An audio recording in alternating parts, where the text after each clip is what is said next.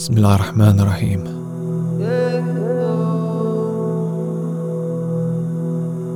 Koranpodden presenterar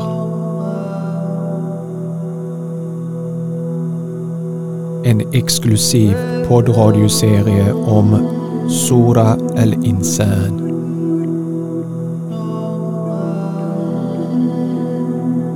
Personliga reflektioner vers för vers av Sally och Salim i fyra poddavsnitt.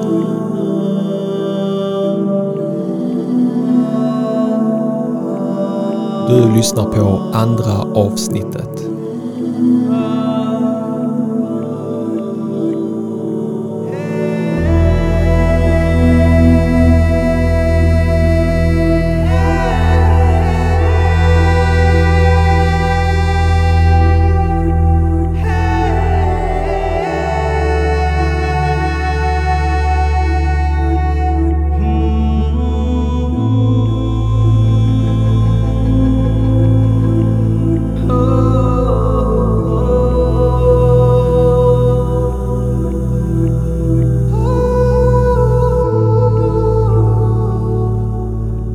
Salam alaikum Salim och välkommen till Koranpodden studio. Wa alaikum assalam wa rahmatullahi wa barakatuh. Det är lite kyligt här för jag har inte tagit reda på hur man kan starta värmen. Eh, Så jag, jag lovar dig till nästa gång att försöka ta reda på hur vi kan starta värmen här i rummet. Alhamdulillah, värmen av iman finns så vi, vi får tåla det andra inshallah. Inshallah. Okej, så vi ska fortsätta med Sura al-Insan, eh, våra reflektioner kring denna suran. Eh, men jag tänkte innan vi kör igång så är det en dua, en bön som du vill nämna. Varsågod. Ja. Och den här bön, och den bästa bön som eh, finns är den bön som vi nämnde i Koranen. Och det finns mycket bön i Koranen som vi måste ta vara på och lära oss det innan vi använder oss av vår egen bön som är också bra att använda. Men Eh, den här bönen, det är den bön som eh, Musa salam sa när han skulle träffa Faraon. Och eh, rädslan av att träffa en mäktig människa med kombination av att Musa salam han stammade. Så det hjälpte honom att kunna stå fast och tala sanningen från för, Faraon. Vi menar inte att våra lyssnare här är faraina. Tvärtom, de är våra syskon, våra bröder och systrar. Må Allah bevara er allihopa. Men det är väldigt bra att eh, börja med den här dua. Allahumma shrah li sadri wa yassir li amri wahlul uqdatan min lisani yafqahu qawli. Och det här dua är väldigt bra när du ska göra en presentation, när du har tentaprov, så, och det, när du ska på en jobbintervju. Så säger du det så Allah subhanahu wa ta'ala, yashrah sadrak, det betyder att han eh, öppnar upp dina sinne. Eh, och yassir amrak, han underlättar för dig det du ska göra. Wahlul uqdatan min lisani. Eh, öppna ihop den här knutan som kan finnas i min eh, tunga. آه، آه، واشرح آه، احلل عقدة من لساني يفقه قولي Fiqh, vi vet vad det är. Det är den här att ha förståelse till saker och ting. Att min tal ska bli eh, eh, en bra tal inför den jag kommer att träffa.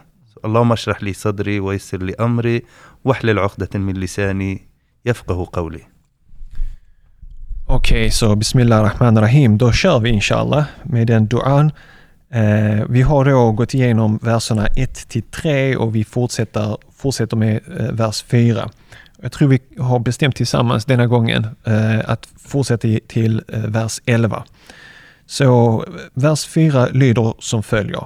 Inna a'tadna lilkafirina salasila wa aghlala wa sa'ira. För dem som väljer förnekelsens väg har vi kedjor och järn och en flammande eld i beredskap. Så om jag kan bara ge mina tankar här. För de som väljer förnekelsens väg, de som väljer att förneka. Jag tänker här är det ganska viktigt att tänka på att det är människor som aktivt väljer att förneka sanningen och gå emot den.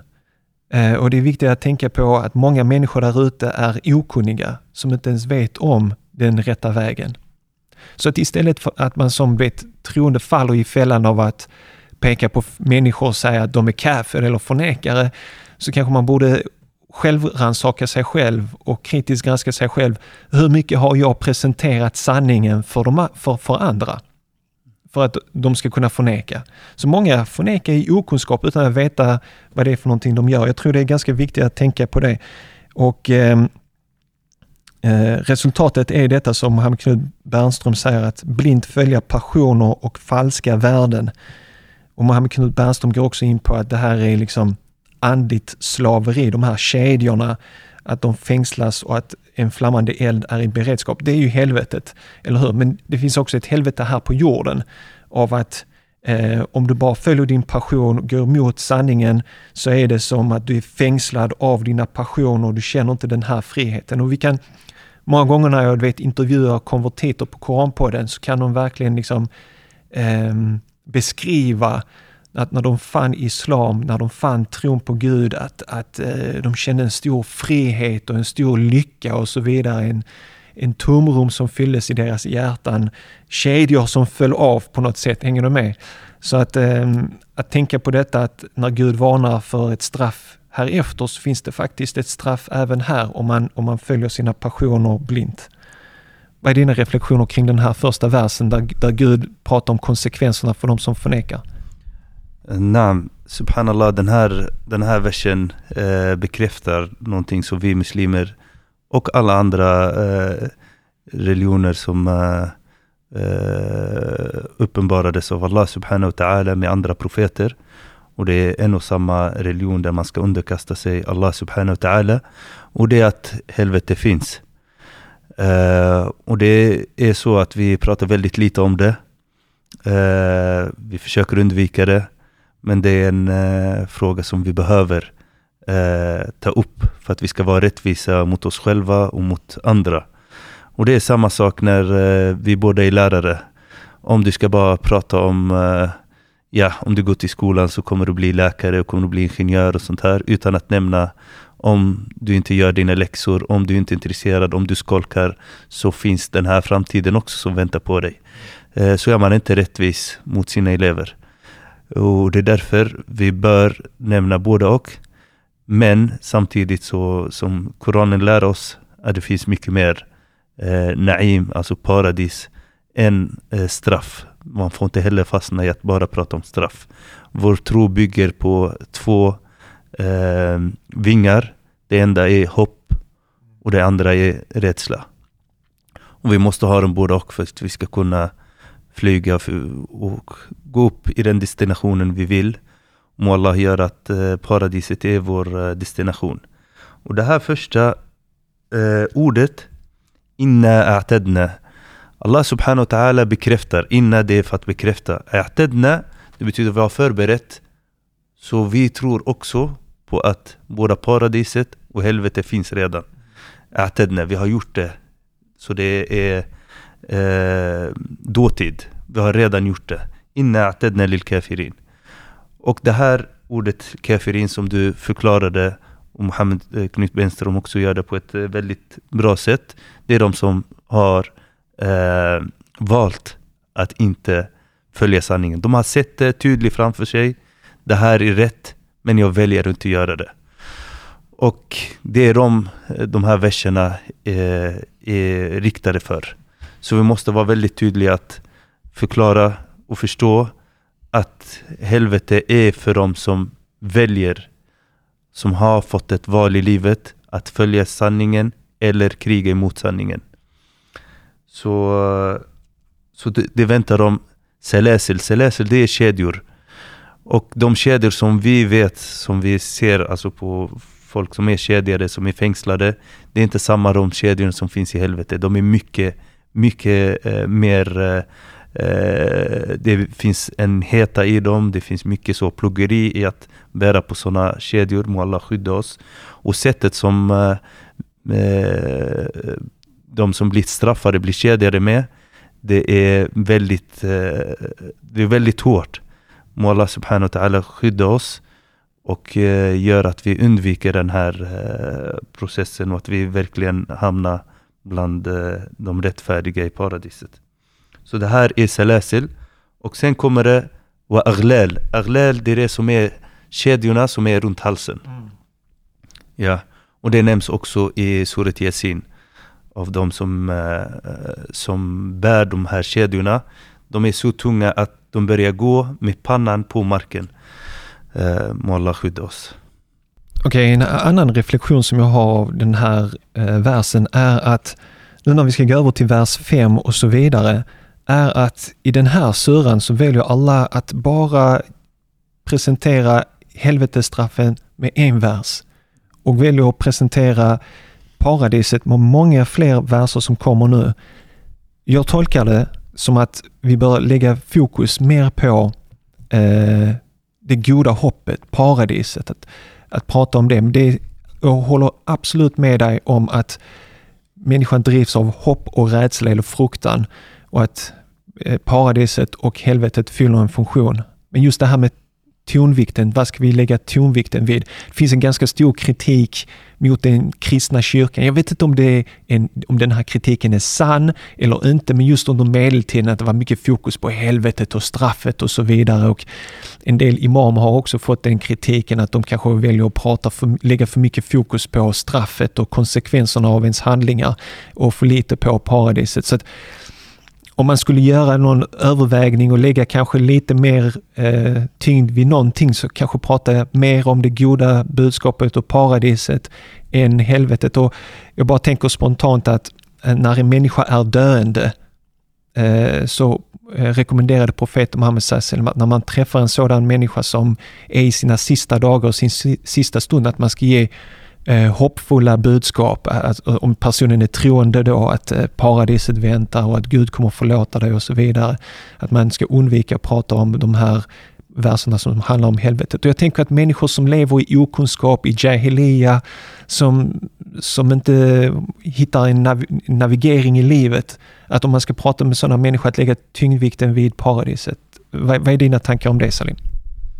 Helt rätt. Eh, verserna av som talar om helvete, de är riktade till eh, en viss del människor i en viss eh, situation i livet. Vissa behöver höra de här verserna och vissa andra behöver höra verser som talar om hopp. Och vi måste se också Koranen som en eh, helhet. Sura som är innan Surat al-Insan, det är Surat al-Qiyama. Och den är väldigt, eh, ja, det finns verser där som verkligen får er att vara rädd Sen kommer Surat al-Insan som är mycket lättnad, som pratar mycket om paradiset. Så det är väldigt viktigt av att läsa Koran i, i sammanhang och förstå saker och ting och budskap som kommer i Koran i, i sammanhang och inte fastna vid en del av Koranen. Och så som uh, Allah subhanahu wa ta'ala kritiserar uh, de som har fått boken före oss. Han säger, tror ni på en del av skriftelse och lämnar det andra? Vi måste alltid ha eh, helheten. Och eh, just i den här versen så har Allah subhanahu wa ta'ala har valt att fokusera på belöningen eh, som eh, de troende och de rättfärdiga kommer att, att få. Och Allah subhanahu wa ta'ala börjar med al-abrar. Eh, där han säger Så om vi tar eh, nästa vers, eh, som är vers nummer fem, så lyder den så här. إن الأبرار يشربون من كأس كان مزاجها كافورا Men de gudfruktiga ska tömma en bägare vin, inom parentestecken, spetsad med kamfer innan du ska få ge din kommentar, just camphor tänkte jag, vad är det för någonting? Så jag googlade och jag hittade camphor, eh, vad ska vi säga, kallpressade eller så här liksom i, i originalform som man kan köpa, som man kan använda som doft. Liksom. Och då tänkte jag, subhanallah, jag ska beställa detta så när Salim och jag träffas så ska jag tända det här så det ska lukta kamfer i hela lokalen och så ska vi liksom prata om den här versen. Men jag kom inte så långt, men inshallah, kanske i framtida avsnitt kan jag göra detta. Eh, men det ska ha en doft av mynta eller något i den stilen. Eh, vad har du för erfarenhet av, av kamfer? Tyvärr min erfarenhet är inte lika eh, vacker som, som din eh, fantasi här. För att eh, jag har använt den en gång när, jag skulle, när man tvättade de döda. Så blandar man eh, kamfar med vatten och de ska dofta gott. Så, så jag fick tvätta en broder, eh, Rahimullah, med, den, eh, med det vattnet. Ja. Vad var det för doft? Alltså då hade jag inte mycket fokus på doften då det var första gången jag tvättade en... Mm. Vad var, var, var känslan efter att du hade gjort det? Subhanallah, det var, eh, det var lärorikt, man blir ödmjuk och man ser också det här fina sättet att begrava muslimerna med. Bror Bilal, han var min eh, mentor Uh, han visade mig hur man gjorde. Och eh, man ha, han hade så mycket, han tog hand om kroppen så som om den var levande. Så jag, när jag håller på med duken, han sa Selim var försiktig eh, och skydda hans aura och allting. Det ska vara så som han är levande. När jag skulle hämta vatten så... Aura, aura privata delar. Ja, privata delarna ja. Och eh, när jag skulle använda mig av vatten så, så se, se till att det Eh, det ska inte vara så för kallt och det ska inte vara för varmt. Det ska vara en vatten som, som är behaglig. Så man ska behandla den döda så som han var levande bland oss. Och det var mycket så respekt och ja, man känner verkligen subhanallah. Det är, det är inte värt att bära på agg och på hat. Livet går väldigt snabbt. Det är en barndomskompis. Så må Allah subhanahu wa ta'ala förlåta hans synder och våra synder också. Och det här, subhanallah, jag, jag är en av dem som tycker om eh, smaksatt vatten. Och då tänker jag på den eh, Luca Exotic med persika smak. och det är, subhanallah, det är så himla gott. Och vatten i sig, det är, allt liv kommer från vatten och vatten är jättegott att dricka, speciellt när man är törstig. Så, men här pratar de om eh, khamr, khamr det är vin. Och eh, subhanallah, den som smakar på vin i denna dunja, han riskerar stort att inte göra det på akhira. Man ska vara försiktig med det. Man ska, eh, även om man gör det så ska man försöka göra tauba och gå tillbaka till Allah subhanahu wa ta'ala. Men vi ska veta att det vinet som talas om i den här versen, det är inte samma vin som finns i eh, paradiset. Så som om när vi talade om kedjorna i denna dunja, det är inte samma som de som finns i, i helvete. Allah skydda oss. Så eh, det är en annan form, det är en annan smak. Men Allah subhanahu wa ta'ala i Koranen han försöker alltid närma, alltså använda sig av det vi vet i denna dunja för att vi ska kunna koppla.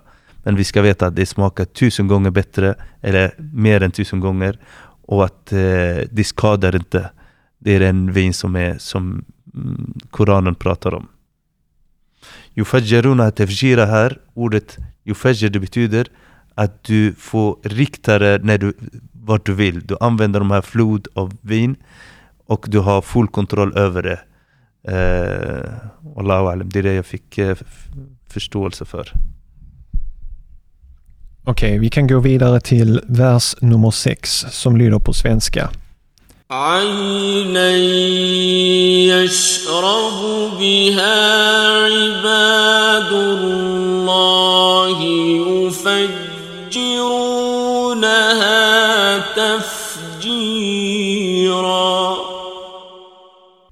Från en källa där Guds tjänare släcker törsten och vars flöde aldrig sinar. Och eh, jag har inte så många kommentarer här men just det här med att släcka törsten, vilken underbar känsla det är. Det blir kanske ännu mer verkligt under Ramadan när man fastar de här timmarna och eh, man bryter fastan och när man släcker törsten. Eh, den underbara känslan man känner, det, det behaget, att, att eh, det finns med även in här, alltså att en källa där Guds tjänar släcker törsten och vars flöde aldrig sinar, är, är vackert. Vad är dina tankar? Ja, alltså när vi läser de här verserna i Koranen eh, som handlar om lusten man får i paradiset. Man måste alltid eh, vara medveten eh, att vi får en liten, liten, pytteliten eh, smak av det i denna dunja. Och de som är medvetna av eh, de här eh, välsignelser vi får, till exempel hörsel, att man smakar, att man äter. Och nu när vi båda oss har fått eh, covid, vi vet hur det är att inte ha smak. Eh, du kanske fick det lite mer än mig, att du inte kan smaka på olika eh, mat eller dryck. Så, så får man den här medvetenhet, wow, alltså jag vill komma hem till, till paradiset. Man kopplar det, är den här lusten som, som gör att jag verkligen blir motiverad att göra mer av det Allah subhanahu wa ta'ala tycker om. Och jag gör mindre av det som uh, Allah subhanahu wa ta'ala uh, ogillar. Um, ska vi till nästa vers? Nästa vers lyder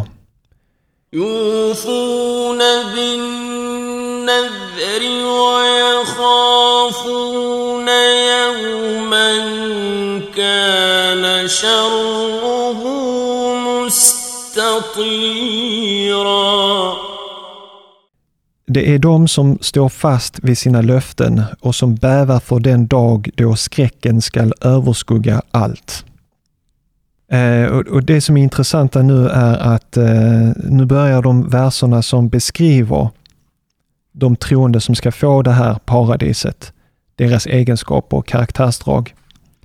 Och eh, Den första är väl här att de står fast vid sina löften, att det de har lovat. Och Det jag tänker på är det första löftet som vi har gjort, är att vi alla människor har stått inför vår Herre eh, innan skapelsen.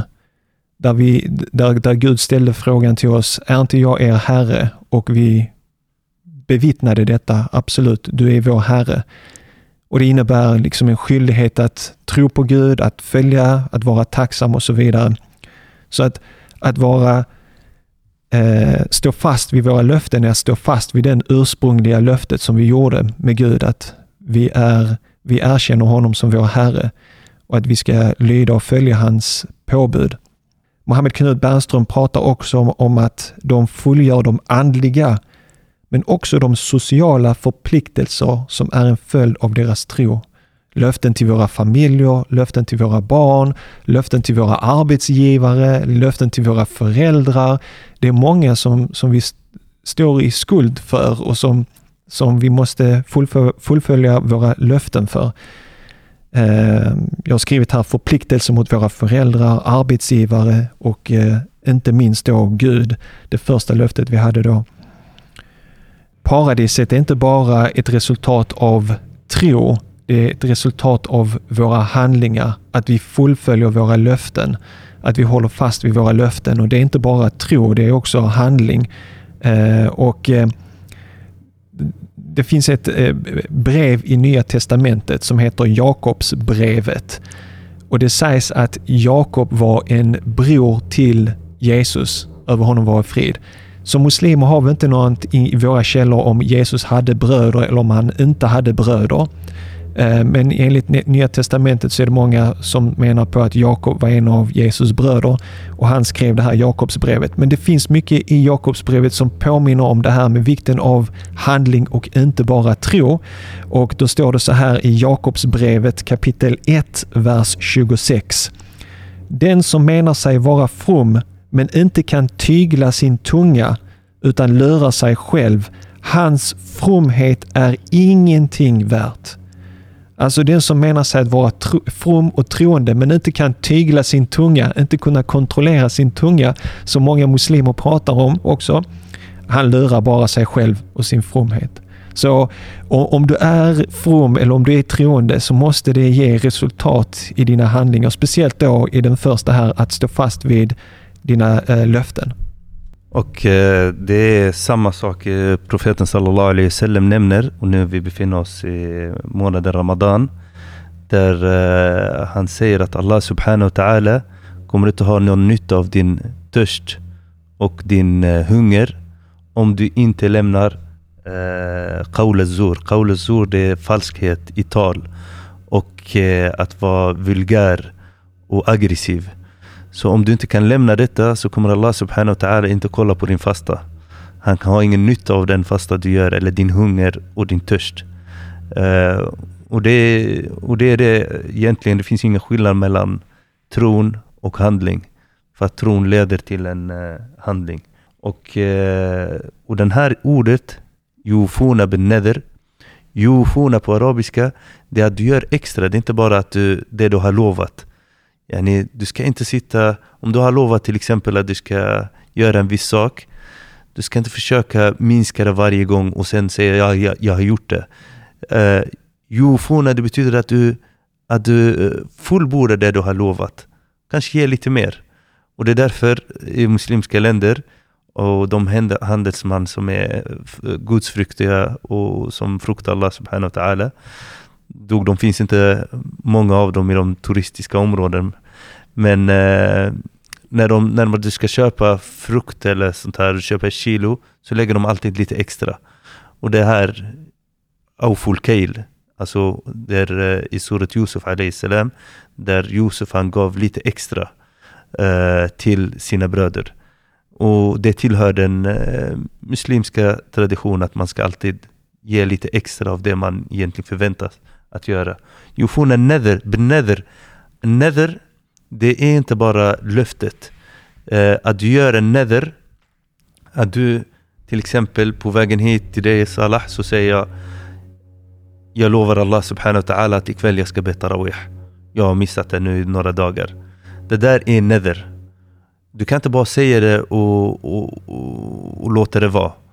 Och det finns i fiqh, vi kan gå igenom det kanske någon annan gång Om du bryter det här löftet som är nether, som är en annan form av uh, löfte, när du har löfte till Allah subhanahu wa ta'ala eller med dig själv. Uh, så måste du kunna uh, fullborda det. Annars har man hamnat i en synd. Okej, okay, så vi fortsätter med vers 8 eh, som lyder som så här. ويطعمون الطعام على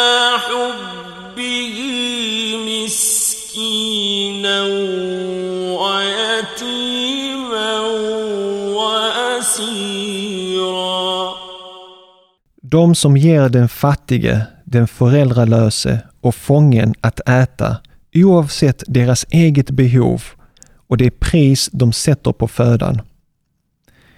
Och subhanallah, eh, jag tror det var Mohammed Knut Bernström som skrev det i sina kommentarer att här beskriver Gud de troende som ska få paradiset som de ger till de fattiga, de föräldralösa och även fången att äta oavsett vad de själv behöver eller vilket pris de sätter på detta. Och Mohammed Knut Bernström menar på att Mecka var ett väldigt kallt och egoistiskt samhälle för att det var inte detta som människorna gjorde där utan detta var någonting som de troende skulle göra. Så det var, det var ett samhälle som inte hjälpte de fattiga och de föräldralösa, brydde sig inte om dem utan det här är någonting som Allah påpekar de troende att göra. Nej, eh, jag tror vi, vi har hoppat över en, eh, en del av vers nummer sju där Allah subhanahu wa ta'ala, när han nämnde de här som håller i sin uh, löfte, han säger وَيَخَافُونَ يَوْمًا كَانَ شَرُّهُ مُسْتَطِيرًا Att de gör detta och de ominns den här versen som nämndes innan om uh, helvete. Och så fort det kommer en röst som säger till dem hoppa över det här löftet. Ja, så kommer en rädsla som stoppar uh, det här eh, förräderiet. Att man verkligen man måste hålla sina löften. Så man tänker på helvetet, på de verserna som vi har läst innan. Och det hjälper oss att eh, behärska oss själva att göra det vi har lovat och att göra alla de här sakerna som kommer efter. Så egentligen en rädsla som finns genom att läsa verser av, av helvete ska leda till någonting gott.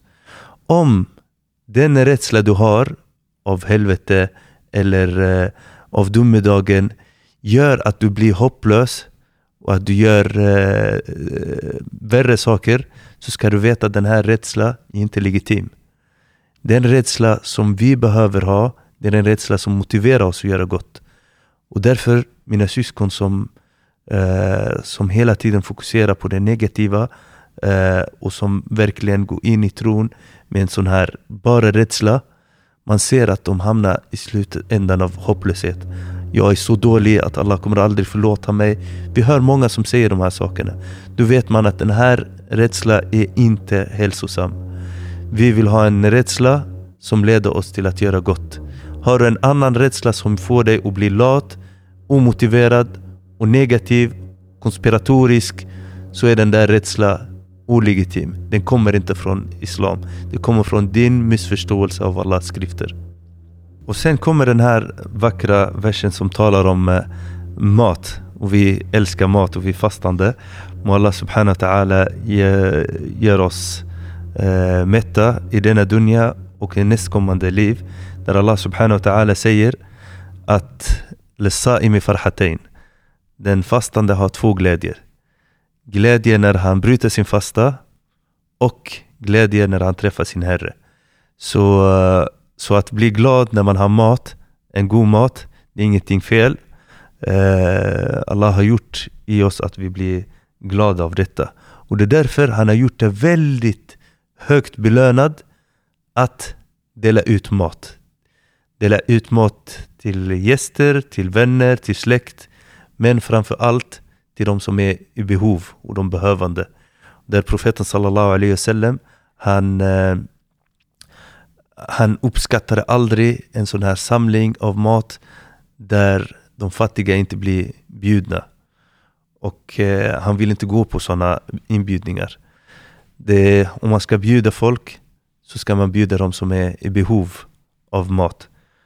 Och det är därför den här versen يطعمون الطعام على حبه miskin. Miskin, det är den som inte har maten för dagen. Det är det miskin. Och miskin kommer från ordet sekane. Sekane det betyder att man, inte kan röra på sig. Du vet sukun i eh, haraket som finns på bokstäverna. Det finns damma, det finns kasra och det finns fetha och shedda och sukun. Sukun när du stannar vid ordet. Och då är det, det finns ingen rörelse. När du inte har pengar så kan du inte röra dig så mycket. Och det är en miskin. Han kan inte, han kan inte driva ett handel, han kan inte eh, röra på sig för att varje rörelse kräver resurser. Eh, och det är det som är skillnaden mellan fakir och miskin. Miskin, han kanske eh, har så han kan leva, men han kan inte utveckla sig så mycket. Och yatim, yatim det är den som har inte kommit till pubertet, pubertet och har förlorat sin pappa. Det är det enligt vår fiqh eh, vad yatim är, det är en föräldralös. Och asira. Och asir här, det är en fånge som inte behöver vara muslim. Tvärtom, i den här versen så handlar det om mushrikin Quraysh. Eh, som var de värsta fiende. Och här, subhanallah, Allah berömmer de troende med paradiset. Han belönar dem med paradiset för att de ger mat till dem som har krigat, krigat mot dem.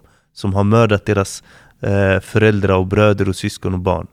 Så den här skönheten av Islam, att verkligen inte vara som sina egna fiender, eh, är en eh, eh, eh, någonting som, som är så vackert, subhanallah. Och vi vet att Omar al-Mukhtar, eh, må Allah eh, vara nöjd med honom, må Allah eh, göra honom bland de martyrer som blev mördade av fascisterna, italienarna. Uh, han hade en kompanjon som uh, hade en fånge som italienare. Och Omar al-Mukhtar sa till honom, ge honom mat och ta hand om honom väl.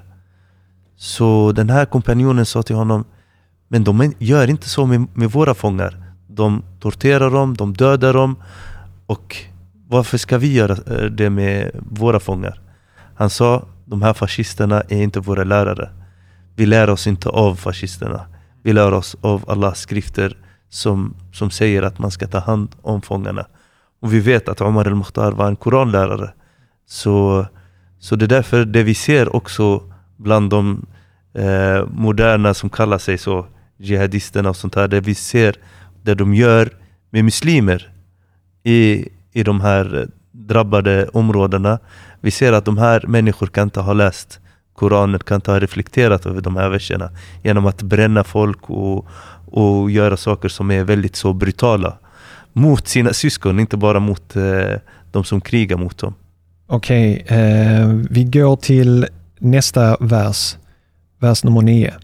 إنما نطعمكم لوجه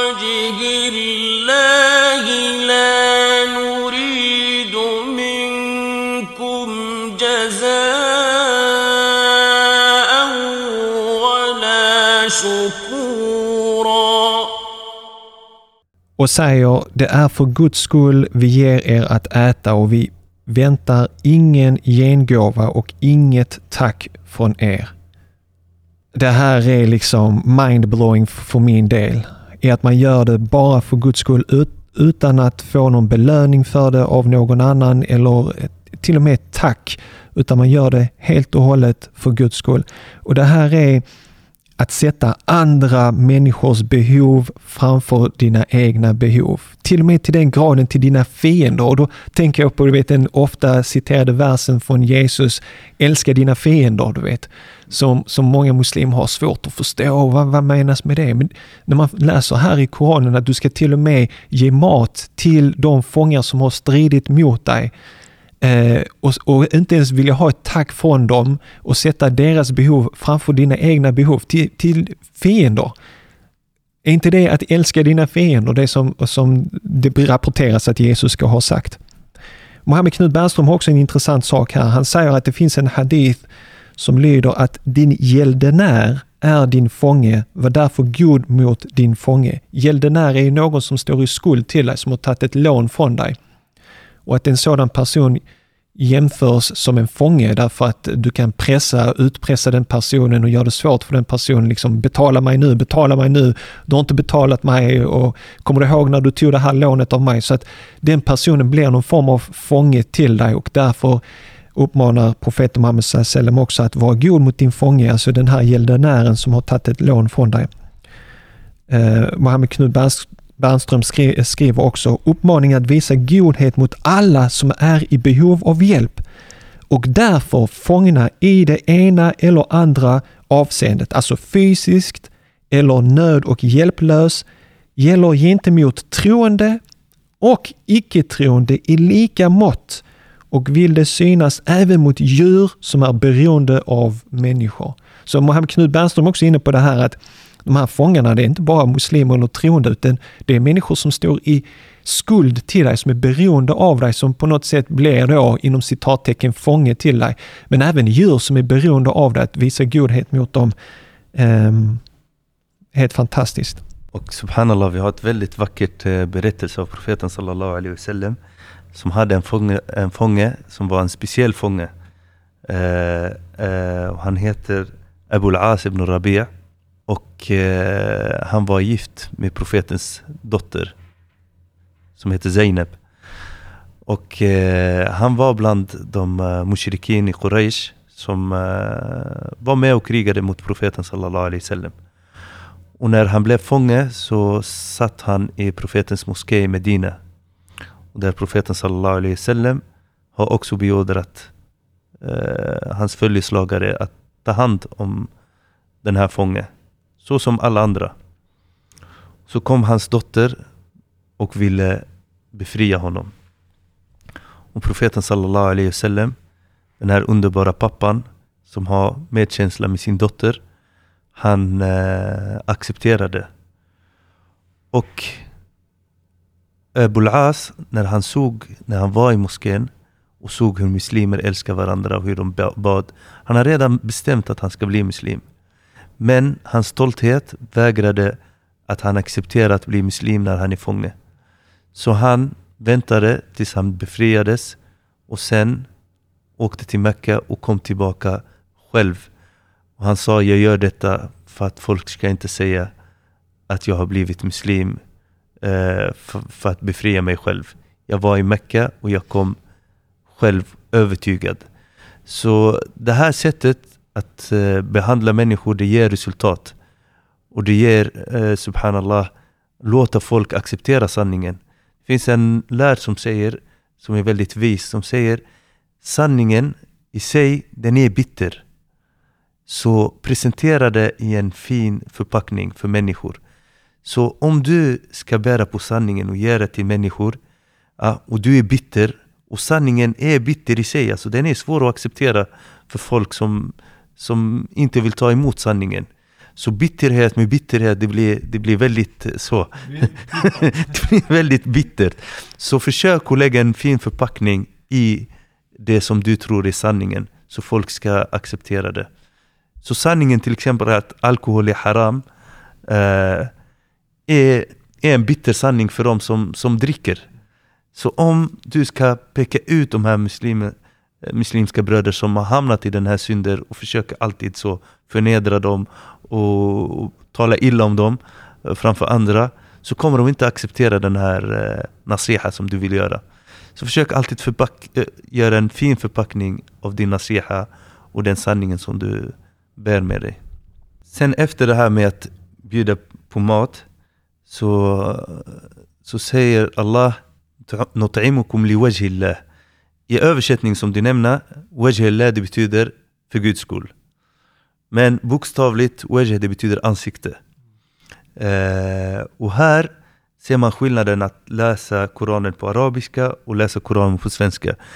Eh, den innebörden som du ska få när du hör det här wajhillah, det är att den största belöningen är att komma till paradiset. Och den största belöningen i paradiset är att vara bland de rättfärdiga. Och den bästa belöningen att vara bland de rättfärdiga är att du kommer se Allah. Alltså, så vi gör det för att kunna se Allah. Inte bara för Allahs skull. Att det här, det vackraste, det mest eh, förväntningsfull eh, situation som vi muslimer ser fram emot är att träffa Allah subhanahu wa ta'ala. Eh, så vi gör detta inte för din skull. Och det här också underlättar för den som ska ta emot den gåva. För att man har alltid så här, man känner tacksamhetsskulden till den som ger. Så du behöver inte ha det där, jag gör inte det för din skull. Eh, jag gör inte det för att du ska ge mig någonting tillbaka. Jag gör det för att jag har en större syfte och det är att möta Allah subhanahu wa ta'ala. Och vi förväntar oss inte tacksamhet. Ja, och det, och det hamnar vi alltid i. Och det är därför vi har väldigt svårt eh, med folk som inte är tacksamma. Man blir arg och man kan till och med bli aggressiv när våra barn är inte är tacksamma, när våra eh, partner är inte är tacksamma.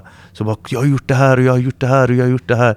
Men ingen av det vi har gjort är för eh, möta Allah subhanahu wa ta'ala för Guds skull. Det är därför vi blir alltid besvikna. Och för att bli av med den här besvikelsen så bör vi kanske göra det här är mest, eh, jag säger det mest för min egen skull, är att börja göra saker för Allahs skull. Och då blir man inte besviken. För att Allah subhanahu wa ta'ala, han bemöter dig alltid med, med mycket bättre tillbaka och ger dig tacksam, visar tacksamhet som du aldrig har förväntat dig. Okej, okay, så vers 10 lyder Vi fruktar vad vår Herre har i beredskap för oss en olycksdiger dag.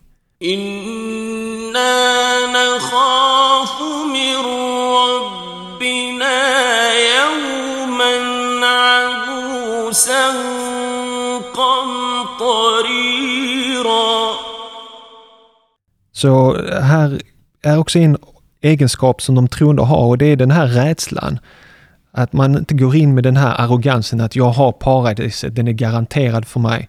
Jag har träffat vissa människor som känner sig frälsta och som känner att de är garanterade himmelriket. Och när de pratar med muslimer så har muslimer du vet, den här tvivel. Jag hoppas med Guds eh, nåd och barmhärtighet att jag ska få paradis. Då, då tycker de det är negativt. Du, du, du tvivlar på att du ska till paradis. Jag ska till, till himlen. Jesus har dött för mina synder.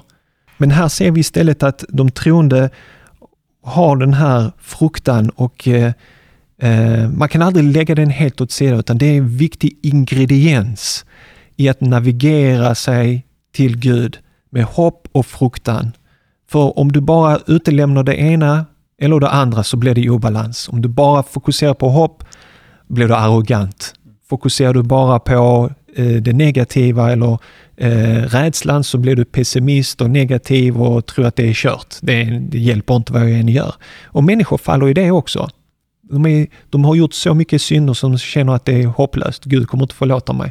Man träffar ganska många syskon muslimer som befinner sig i den situationen. Eh, men det som jag tänkte också ta med här, det är också från Jakobsbrevet. Vi fortsätter med den, är att i vers 27 så står det då, eh, Jesus broder då, eh, Jakob, enligt Nya Testamentet ska ha sagt följande. Men att söka upp faderlösa, som vi pratade om innan, eller hur? Och änkor i deras nöd och hålla sig själv obesmittad av världen, det är en fromhet som är ren och fläckfri inför vår Gud och Fader. Så, men att söka upp de faderlösa, söka upp de faderlösa, hjälpa dem, änkorna och så vidare och hålla sig borta från dunja, det är sånt som är eh, fromhet. Så återigen fokus på de goda eh, handlingarna. Vad är dina tankar kring eh, vers 10? Nej, subhanallah, den här eh, versen och dessa ord där Allah subhanahu wa ta'ala talar eh, för de som är i, i paradiset. De som är redan, yani, vi vet att de kommer att hamna i paradiset. Det här får mig att, att Allah säger, de, de säger i dunja, inna nakhafu. Vi är rädda. Och det här får mig att tänka på Sahaba som blev utlovade paradiset. Vi vet, vi eh, är ganska säkra att vi har tio Sahaba som är utlovade paradiset. Al-Ashra Mubasharina bil Jannah. Och bland dem det är Abu Bakr och, och och Uthman radiyallahu an. De fick redan i Dunja flera gånger bekräftelse av profeten sallallahu alaihi wasallam att de kommer att vara bland paradisets invånare. Men samtidigt, dessa tre och alla de här tio, även om de visste att de kommer hamna i paradiset, så var de alltid försiktiga och de dyrkade Allah subhanahu wa ta'ala mer än alla andra. Och de var rädda för att göra fel mer än alla andra. Så det finns skillnad mellan att eh, göra saker för att man är rädd att hamna i helvete och att göra saker i rädslan av att göra Allah missnöjd med en. Så även om vi vet eh, att paradiset är för de troende ska vi inte också försöka vara, eh, kämpa med att göra det Allah tycker om? Och så som eh, profeten sallallahu alaihi wasallam sa till Aisha när han bad på nat nattbön att ska inte jag vara en tacksam tjänare? Så man kommer till en eh, position av de här eh, eh, som vi är så långt ifrån, eller jag är så långt ifrån. Det är att man inte bara tänker på paradiset och helvete, men man kan också tänka på kommer Allah vara nöjd med detta? Kommer Allah vara missnöjd med det jag gör? Så de troende, de är rädda också för Allahs missnöjdhet. Och såklart rädslan av att hamna i helvete, den är, den är alltid där. Men de här sahaba, de visste, Allah subhanahu wa ta'ala har bekräftat att de kommer att hamna i paradiset. Men ändå, Omar radiallahu anhu, när han visste att en sahabi hade namn på munafiqin, på hycklarna i Medina. Så han var på honom. Är jag bland dem? Är jag bland dem? Är jag bland dem? Och han ville inte berätta den här sahabi. Men han var så mycket på honom att han säger, jag kommer inte nämna någon, men Omar, du är inte en av dem. Ja. Så det här var Omar som blev utlovat paradiset. Uh, nej. Ska jag ta sista? Okej. Okay. Så sista versen lyder som följer.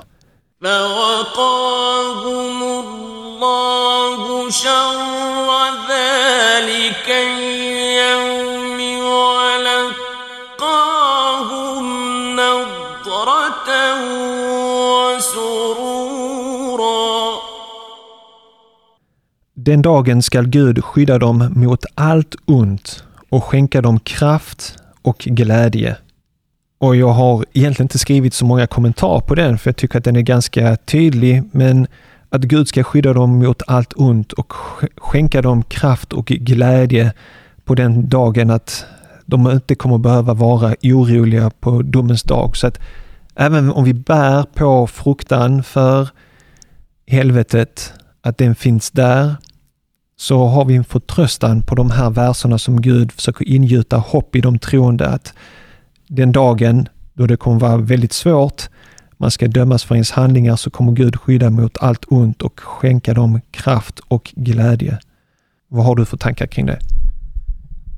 Min tanke här är att det här är en tydlig eh, matris här som vi måste fylla, fylla på. Vi har Allah subhanahu wa ta'ala, han har några krav som han eh, eh, sätter på sina tjänare. Och Allah subhanahu wa ta'ala säger, vi lägger inga krav som våra tjänare kan inte ha, eh, kan inte kan bära. Och Allah säger, de här som är rättfärdiga som kommer att hamna i paradiset, de ger mat till de fattiga. De gör det för Guds skull, de förväntar sig inte tacksamhet på denna jord. Eh, de eh, fullbordar sina löften och de är rädda för den domedagen och försöker göra sitt bästa. Har man gjort de här sakerna så, så har man det betyg som Allah subhanahu wa ta'ala vill att vi ska ha och att vi hamnar i paradiset. Så den här tydligheten med vad är det som gäller. De här sakerna måste du jobba med. Och Allah subhanahu wa ta'ala har inte en krav av perfektion. Vi kommer alltid att, och vara lite så snåla ibland. Vi kan, kommer alltid kanske vrida lite på sanningen. Kanske några löften kommer vi inte kunna fullborda. Men att vi har det som, en, eh, som ett mål att alltid försöka komma dit. Och om man dör och man har den här inställningen så Allah subhanahu wa ta'ala kommer förlåta de synderna och de bristerna. Jag hade också en kommentar här att eh, de förnekare som följer sina lustar och passioner och som går emot sanningen. Det som du precis nämnde, de, den här uppradningen av att de matar de eh, föräldralösa och fångarna eh, och som sätter andras behov framför sina egna. Det är på det sättet som du också tar koll på ditt ego och dina passioner. När du utövar de här sakerna, de här konkreta handlingarna, då gör du ditt ego väldigt litet. Men när du inte gör de här handlingarna, då finns det en risk att ditt ego blir större. Jag hade det som en kommentar här. Jag har faktiskt inte så mycket fler eh, kommentarer eller annat som jag vill tillägga här. Vi har kommit fram till vers nummer 11. Det har gått 55 minuter. Har du några avrundande ord, inshallah, innan vi avslutar? Det här är väldigt så lärorikt när vi sitter här och diskuterar de här verserna. Och jag hoppas inshallah att vi lyckas genom Koranpodden eh, sprida den här traditionen bland familjerna, bland vänner. Eh, vi har tappat jättemycket när de religiösa träffas så är det ofta så att vi pratar om sekter och grupper, politik eh, och eh, annat som händer i världen eh, och problem i moskéer och så vidare. Och vi har väldigt lite av det här, just det vi gör nu. Att ta verser och prata om det. Och detta är en dyrka i sig. Eh, att verkligen sitta med sitt barn och kom vi gå igenom tre, fyra verser av Koranen och försöker att förstå det. Såklart man ska alltid förbereda, man ska försöka kolla vad de lärde har sagt om de här verserna. Man ska inte tolka själv eh, allting. Men genom att ha lite bagage med sig och sitta och diskutera med sina vänner så man lär sig alltid. Även om man har missförstånd så får man reflektion av de andra, man blir rättad och man utvecklas andligt. Så det här form av dyrka, att eh, studera Koran, det är en av de ädlaste sätt att dyrka Allah subhanahu wa ta'ala på. Det kan vara bättre än nattbön och fastan eh, varje dag. Som Allah subhanahu wa ta'ala gör att vi blir den anledningen att folk eller våra syskon som lyssnar på oss börjar med den här traditionen hemma också och börjar studera Koranen.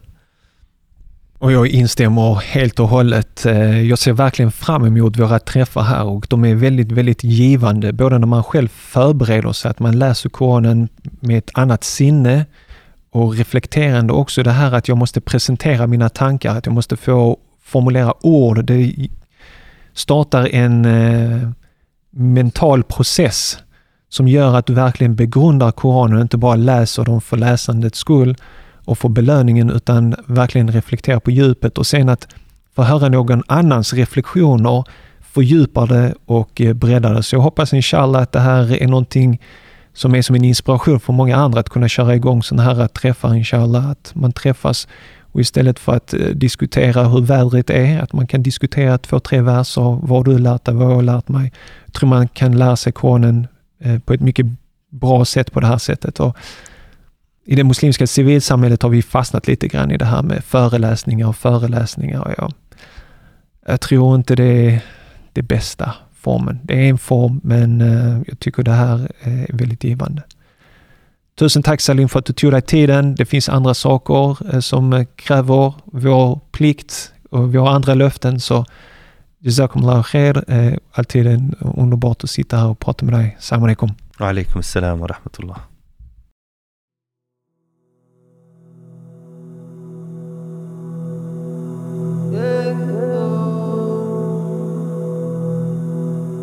Du har lyssnat på andra avsnittet i vår nya poddradioserie Sura Al-Insan med personliga reflektioner vers för vers av Sali och Salim i fyra avsnitt. Sura Al-Insan Människan är Koranens 76 sura vari Gud redogör för vad som leder till människans framgång och vad som leder till människans fördärv. Vart vi kommer ifrån och vart vi är på väg. En sura med djupa visdomar och lärdomar.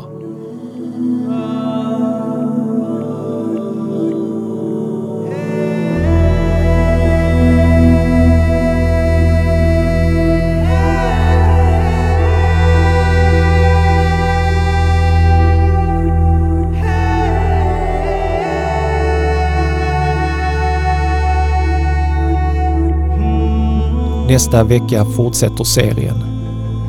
Tack för att du har lyssnat på Koranpoddens exklusiva poddradioserie om Sura Al-Insan.